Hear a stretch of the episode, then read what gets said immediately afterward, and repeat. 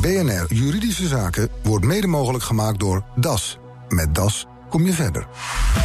BNR Nieuwsradio. BNR Juridische Zaken. Paul van Liemt. Erfgenamen vechten een groeiend aantal ruzies uit over de nalatenschap. En dus dijt het leger erfrechtsspecialisten ook snel uit. Zometeen hoe u de sfeer goed kunt houden en toch kunt opeisen wat u toekomt. Maar eerst de cijfers. Redacteur Dama Celis hier bij mij in de studio. Hoe kan het dat de erfenis vaker inzet is van conflicten? Ja, we hebben een rondgangetje gemaakt langs een aantal eh, notarissen en eh, advocaten die zich met het onderwerp bezighouden. En zij vertellen ons eigenlijk dat het komt doordat de familiebanden steeds losser worden. Uh, meer dan de helft van de Nederlanders heeft geen contact meer met één of enkele familieleden. Dat is best veel dus. Ja. Um, en uh, ook zijn er meer samengestelde gezinnen met kinderen dus die uh, verschillende ouders hebben. Uh, veel spanningen blijven daardoor lang onbesproken, maar vlammen op als de erfenis verdeeld moet worden. Um, dat komt waarschijnlijk uh, ook doordat ouders niet alle kinderen gelijk behandelen over die spanningen. Luister even naar wat notaris Lucienne van der Geld daarover zei in BNR Ochtendspits. Financiële ongelijke behandeling, daar, uh, dat is eigenlijk de belangrijkste reden. Ja. Het kan natuurlijk zijn dat uh, één kind iets geschonken heeft gekregen... of meer geld heeft geleend van vader of moeder... of dat er financiële ongelijke behandeling uit het testament voortvloeit. Mm -hmm. Dat zou natuurlijk ook kunnen zijn. Of denk maar eens aan een onterving van een van de kinderen. Dat is niet leuk dat het aantal ruzies toeneemt, maar goed nieuws voor de advocaten en voor andere erfrechtsspecialisten. Ja, nou het aantal advocaten dat zich ermee bezighoudt uh, groeit in elk geval snel. De Academie voor de Rechtspraak, uh, dat is een, een opleidingsinstituut voor advocaten. Die is vijf jaar geleden gestart met een leergang erfrecht, voor ja. advocaten dus. En in die vijf jaar hebben ze meer dan 125 nieuwe advocaten opgeleid in dit veld. Uh, en ze zijn niet de enige aanbieder overigens die dit soort opleidingen aanbiedt. Dat het vakgebied belangrijker wordt zie je ook aan het feit dat er nu een uh, vereniging is voor erfrechtadvocaten. Uh, en die vereniging heeft meer dan 100 leden. Je kunt dus rustig zeggen eigenlijk dat de erfrechtadvocatuur geen uitstervend beroep is. Oké, okay, dank je dan. Ik praat erover door met Katelijne van Barneveld, advocaat en voorzitter van de vereniging Erfrechtadvocaten Nederland. En met Danielle van Iperen, notaris en registermediator bij Ellens Lensen in Den Haag. Dames, goedemiddag. Dag, hallo. Ja, het is uh, vertrouwen in de toekomst, hè, de leus van het kabinet. Uh, als je kijkt naar de erfrechtsspecialisten, dan zitten jullie goed natuurlijk met dit specialisme. Zo zou je het kunnen stellen, ja. Ja, nu zie je vaak films, hè, dat, dat nabestaanden bij de notaris worden geroepen... en uit zo'n ouderwetse videoband een bruine envelop halen. Het laatste bericht van de overledene wordt uitgesproken. Vaak een beetje filijne toon en ja, je ziet dat, dat, dat meteen al ruzie ontstaat. Op die manier gaat het denk ik niet, maar maken jullie het wel eens mee... dat het, dat het echt, waar jullie zelf bij zitten, dat er meteen ruzie komt... Aan tafel komt er wel eens gelijk ruzie. Ja, nou, het grappige is, is dat het beeld van uh, de film en uh, zoals dat geschetst wordt, uh, er wordt iedereen wordt bij elkaar geroepen bij een notaris testament wordt voorgelezen. Dat gebeurt niet in de praktijk. Uh, wat we wel zeggen, kom zoveel mogelijk met familieleden om dingen te bespreken en te regelen. En dan krijg je inderdaad aan tafel al gelijk eens een keer ruzie. Of ik wil niet dat jij het gaat doen. Of waar is dit gebleven? Klopt. Ja, dat gebeurt meteen al. Waar gaat het vaak over? Wat zijn veel voorkomende zaken? Ik, zal ik een, een voorbeeld geven. Veel samengestelde gezinnen natuurlijk. Vader heeft een nieuwe vrouw. Kinderen van beide echtgenoten kunnen niet met elkaar overweg. Vader overlijdt, maar de, de vrouw die hertrouwt. En dan wil je toch weten hoe het juridisch zit? Dan wil je weten hoe het juridisch zit. Dan wil je eigenlijk ook uh, weten hoe staat het er financieel voor. Maar wat je dan eigenlijk doet is een, uh, een kijkje in de keuken vragen van de vrouw. Want zij voelt natuurlijk dat zij de afgelopen jaren ja. met de man heeft samengewoond.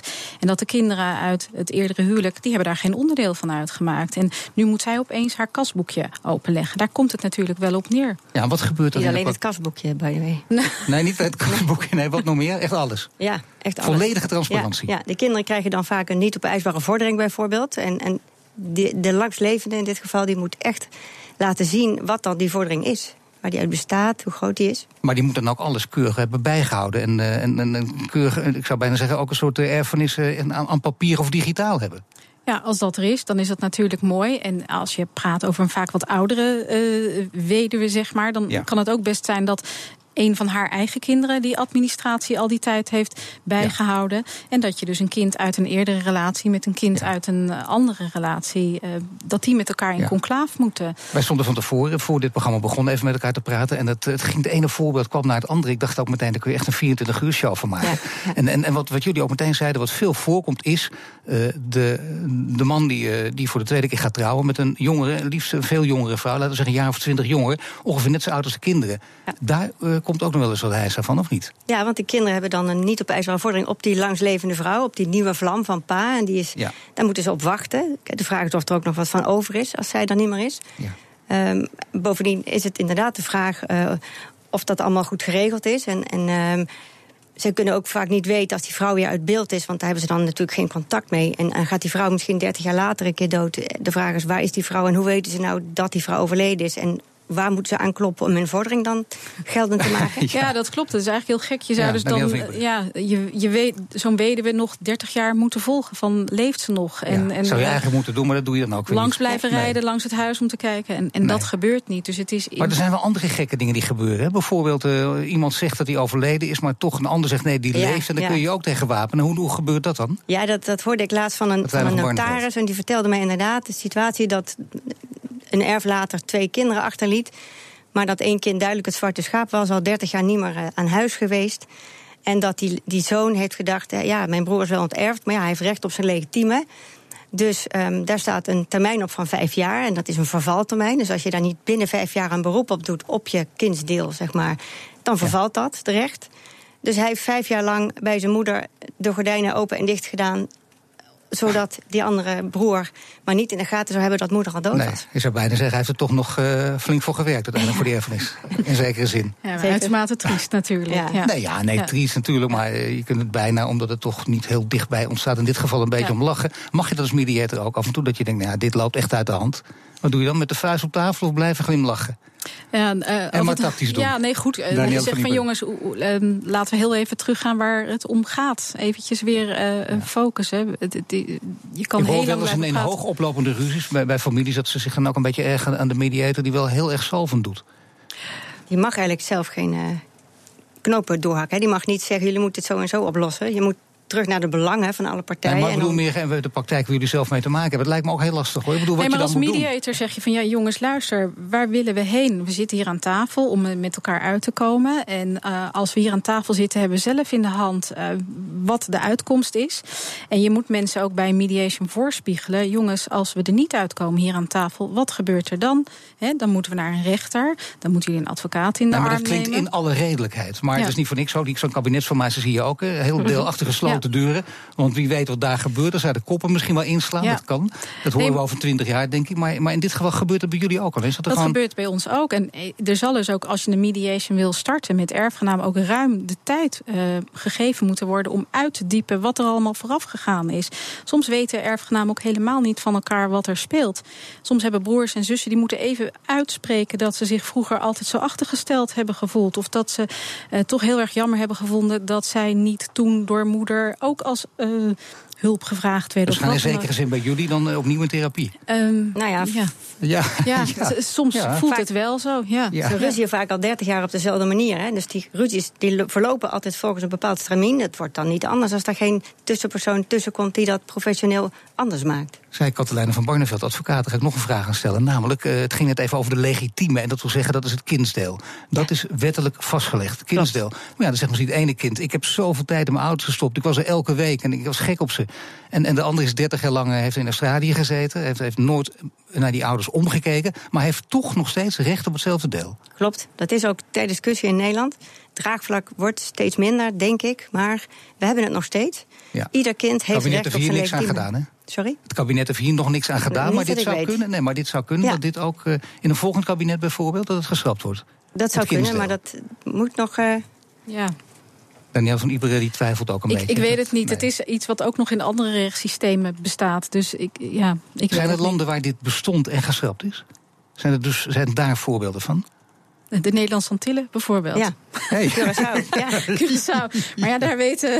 En daar heb je Heel- ook wel heel veel kinderen soms als vader zijn. En verschillende. Dus dan weet je als vader ook niet precies waar je. Nee, dit wordt een hele andere ja, discussie. Een hele Gaan andere discussie. Ga zo verder. Zometeen dan gaat het over waarom een testament alleen niet genoeg is om te voorkomen dat nabestaanden ruzie krijgen. BNR Nieuwsradio.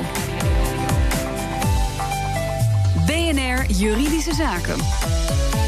We hebben het over de erfenis, want die leidt steeds vaker tot ruzie. Vooral broers en zussen kunnen elkaar naar het leven staan. En dan denkt u, gelukkig heb ik het goed geregeld met een testament. Maar een testament garandeert allerminst dat het goed gaat.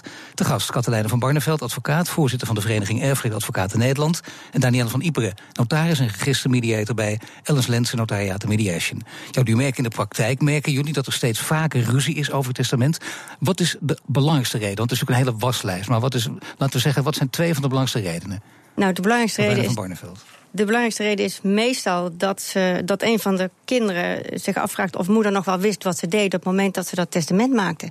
Dat testament waarbij zij onterfd is, bijvoorbeeld. Of dat testament waarbij ze onderbedeeld is. Dus toch proberen aan te geven dat het niet helemaal goed zit met, uh, met, met de hersenen van, uh, van moeder. Ja.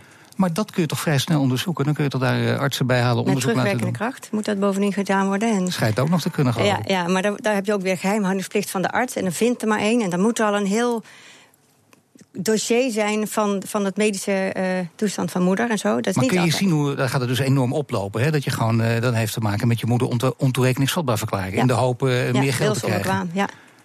Dat klopt, dat klopt. En wat dan ook nog de vraag is: van wat komt er dan uit? Want stel dat er een testament gemaakt is hè, en dat wordt vernietigd, omdat dan achteraf blijkt dat er toch iets was met de geestvermogens, dan is er misschien geen testament of een ouder testament met evengoed een ongewenste uh, uitkomst. Zeg nou maar. ja, dat, dat je stelt die procedure wel in als je al enig vermoeden hebt over dat je dan wel erfgenaam bent, zeg maar. Ja, nou ja, goed. Toch, nee, wij als notarissen uh, wil ik dan ook even zeggen dat wij wel ja. uh, een protocol daarvoor hebben. Dus daar gewoon heel zorgvuldig mee omgaan. En dat er ook artsen tuurlijk. ingeschakeld worden. Nee, dus, dat zegt Daniel van Iberen Ja. zelf over Ja, tuurlijk. eigen vakgebied. is heel zorgvuldig. Nee, natuurlijk, ja, dat verbaast me niks. Maar eh, over notarissen, ja, iets Ja, lelijks, over er ook- notarissen misschien? Die worden heel vaak natuurlijk ook door, door onze cliënten dan daarbij betrokken. En daar wordt ook op geschoten natuurlijk. Van die hebben het niet goed gedaan. Die hebben onduidelijkheid in het testament laten bestaan. Nou Of ja, maar dat is een moeder... serieuze toch ook? Ik bedoel, want dan, kan het, Zeker. eh, dan heeft een notaris het niet goed opgesteld... waardoor er dus eh, verschillende interpretaties Ja, mogelijk of zijn. hij heeft moeder niet genoeg gecontroleerd of gecheckt of moeder wel of niet wilsbekwaam Ja. was op dat moment. Nou, En vliegen jullie toch in de haren als advocaat en notaris zijn. Dat had ik ook een Ja. beetje op gehoopt. eh, Ja. inderdaad, Danielle van Ieper. Nou, wat eigenlijk daarom heel belangrijk is en waar wij ehm, ook gewoon steeds eh, ons bewuster van zijn, is dat we gewoon moeten opnemen waarom ehm, maak ik deze beschikking in mijn testament? Waarom sluit ik één kind uit en geef ik de ander meer? En dan moet je eigenlijk gewoon man en paard noemen. Moet je gewoon zeggen: ik heb gewoon mijn redenen. Mijn redenen zijn dit, dat en dat. Daar wil niet altijd iedereen aan. Hè? Nee. Maar je kan zeggen van ik heb jou bij het leven heel veel geld al geschonken, geholpen bij je studie. En ehm, je hebt zelf een hele goede baan. Je hebt het bijvoorbeeld minder nodig. En de ander heb ik al 30 jaar niet gezien. Dus dat is de reden dat ik. Dat zijn dingen die je kan Nee, dat opnemen. begrijp ik keurig met redenen omkleed. Maar ik bedoel eigenlijk meer het taalkundig aspect. Want dat, eh, dat heb ik ook al eens meegemaakt. Is er bij de notaris en er wordt op een hele monotone. eh er wordt heel monotoon wordt een hele lange tekst uh, Ik weet niet opgedreund. welke notaris dat was. nee, er zijn er zoveel. Maar bovendien, het helpt je niet hè, op het moment dat je eigenlijk bepleit dat moeder niet helemaal meer wilsbekwaam was. Dan, Nee, dan dat helpt het niet. Nee, nee. Nee, maar kan Maar er dat wat aan, wel kan er wat aan gedaan worden aan, aan het taalgebruik van de notaris of niet? Want anders Dat is heb je een hele andere issue, ja. Ja, dat is een hele andere discussie. Daar- nou ja, dat daar heeft zijn- hier toch ook direct ja. mee te maken? Ik bedoel, want dan kun je juist interpretatieverschillen eh, uitlokken. Ja, er zijn ook diverse onderzoeken naar gedaan, ook door eh, universiteiten en studenten die dat als afstudeerscripties hebben gehad, om te kijken van kunnen wij een, een, een, een- bijvoorbeeld een samenleescontract zodanig ombouwen, een testament, zodat het voor iedereen begrijpelijk is. Hè, we hebben ook het HEMA-testament bijvoorbeeld gehad, wat een beetje in Jip en Janneke taal Is dat inmiddels weer voorbij? hè? Ja, omdat het dus gewoon niet eh, voor alle situaties eh, Afdoende is, ja, ja. afdoende is. En voor sommige dingen zijn er gewoon nou eenmaal bepaalde juridische formuleringen, omdat er dan duidelijk is, zowel voor de wet, de rechter als een advocaat, wat daarmee bedoeld wordt. Je moet ook eh, regelmatig, althans dat wordt vaak aangeraden, ook weer door jullie sector natuurlijk, eh, regelmatig het testament updaten. Zorg Dat even dat het wel ja. een nieuwe situatie. Alleen veel mensen denken, nou ja, dat doe ik niet, want dat kost me weer 500 of nog meer euro. Katelijne van Barneveld, toch verstandig? Ja, dat is zeker verstandig. Ik, ik, zal, ik kan een voorbeeld noemen, want ik, ik was in afgelopen februari een uitspraak bij het Hof Den Haag, volgens mij, als ik me goed heb. Van eh, een testament, daar stond in: ik benoem eh, mijn echtgenoot en mijn twee kinderen tot mijn erfgenamen. En die echtgenoot, het testament was van 1980. En de echtgenoot die zij toen bedoeld had, die was inmiddels overleden. En nu had ze een nieuwe echtgenoot. En nu was natuurlijk de discussie: is dat nou dan toch nog deze echtgenoot? Of was alleen de oudere echtgenoot bedoeld? En die kinderen bepleiten natuurlijk nee, dat was alleen onze eigen vader mee bedoeld. En ja, dat is uiteindelijk ook zo uitgepakt. Tuurlijk, maar, maar met de- andere de- woorden, je moet het wel aanpassen. Want het kan ook, want het lijkt duidelijk, hè? ik benoem mijn echtgenoot. Maar goed, het kan dus toch weer door de omstandigheden die wijzigen. Tot een andere nieuwe situatie. En ik denk dat het ook vaker voorkomt dat er nieuwe situaties zijn dan in het verleden. Dus dat betekent dat je vaker moet updaten, maar dat het ook uh, behoorlijk prijzig kan worden, of niet? Ik zou bijna zeggen, kun je daar tegen verzekeren? Dat update, ja, dan moet je voor bij de notaris. Ja, zeker. uh, ligt er helemaal wat voor update het is, of het een kleine aanpassing is, een aanvulling op een testament, of dingen anders geregeld kunnen worden. Ja. En vaak is het ook even een kwestie van bekijken, uh, zodat we kunnen zeggen, nou, dit zijn de risico's, dit is wat eruit kan komen. En soms is een aanpassing ook helemaal niet nodig. Ik heb nog heel veel kwesties. Kan je ook heel veel sparen hoor, trouwens. Dan kun je, wat kun je, je kan ook ja, het, aan, het aanpassen van je testament kan je heel veel geld opleveren juist. Ja, nee, natuurlijk, dat is een hele verstandige ook. Ja, daar heb ik zo snel niks op tegen. En, ja, en dan heb je ook nog, uh, je kunt onterfd worden. En dat kan om verschillende gronden natuurlijk ook weer gebeuren. Is het dan mogelijk om toch te zorgen dat je alsnog uh, je erfenis krijgt? Omdat je zegt, ik, ik krijg hem. Hebben jullie dat wel eens bij de hand gehad? Nou ja, dat je, je wordt onterfd om, om allerlei redenen. En dat je die redenen probeert uh, tegen te spreken. En dat je gelijk krijgt. Of is dat zinloos? Dan moet je testamenten onderuit halen. Want dan, dan haal je in feite de, de bedoeling van het onterven onderuit... door te zeggen, ja, maar dat, dat, was niet, dat had moeder eigenlijk niet zo bedoeld. Zou dat kunnen of is dat uitgesloten, dat dat lukt, dat je dat doet? Zijn dat eindeloos? Moet je van een hele goede huizen komen. Ja, dat hele goede huizen, maar vooral een lange adem hebben, toch? Ja, ook dat. En voor geld, vooral. Procederen kost geld, hè? Komt het, komt het wel eens voor dat mensen echt uh, 20, 30 jaar lang door blijven gaan? Zo lang? 2030, dat is denk ik nou, heel uitzonderlijk. Er komt wel eens voor dat mensen daar um, zeker vijf, zeven jaar, jaar komt voor zeker voor. Ja. Ik heb een paar keer gezegd, het komt veel vaker voor. Hè. Dat, is, dat, dat zeggen we natuurlijk ook, want uh, wij praten niet zomaar over deze uitzending. Dat is een belangrijke reden. Maar er is, en ik heb dan naar de onderzoeken gekeken. Er zijn maar weinig onderzoeken naar gedaan. Maar het komt geloof ik echt, er is een serieus onderzoek eh, toch, meen ik. Katlijne van Barneveld, waaruit blijkt dat het echt veel meer voorkomt. Ja. Ruzie om de erfenis. Ja, ja, dat is een onderzoek van onder andere professor Kolkman uit Groningen. En die heeft onder meer geconstateerd dat het aantal. Nou ja, goed, dit onderzoek is gebaseerd op uh, rechtspraak.nl, waar je alle uitspraken vindt die gepubliceerd zijn. Hè. Dus dat zijn nog niet alle uitspraken die er gedaan zijn, überhaupt. Dat, dat maakt het een beetje eh, anders misschien dan het is. Maar daar wordt in ieder geval geconstateerd dat het aantal uitspraken uh, verachtvoudigd is tussen 2003 en 2015. Het is een enorme toename. En dan hebben we het nog niet eens over de kantonrechtsprocedures, want die, die worden niet uh, op rechtspraak.nl gezet. Nee, het komt heel vaak nog. Dus we gaan niet zeker nog een keer over doorpraten. Nog één korte vraag voor jullie, liefst met een kort antwoord ook. Uh, zelf een goed testament geregeld of niet? Zo, ik heb zelf een goed testament geregeld. Oh, toch? Ja. Ik had nee, nee, geen testament. Waarom niet? Ik ben getrouwd. Het is goed geregeld. De wet regelt het goed voor mij. Hartelijk dank, Katlijne van Barneveld, advocaat en voorzitter van de Vereniging Erfrechtadvocaten Nederland. En Danielle van Iperen, notaris en registermediator bij Ellens Lensen Notariaat en Mediation. Nieuwsradio. BNR Juridische Zaken. Snoeker, dat klinkt gewoon als een onschuldig spelletje, maar voor luisteraar André Kachin is het dat al lang niet meer. Sinds zich onder zijn huis een snoekercentrum vestigde, doet hij geen oog meer dicht. Het verslag is van Daan Mercedes. André Kachin, u huurt een appartement bij een grote woningbouwcorporatie in Den Haag. Op de begane grond van uw pand bevindt zich een snoekercentrum... en het geluid van die ketsende ballen gaat u door merg en been? Ja, dat klopt. Dat vind ik echt uh, heel erg vervelend, ja.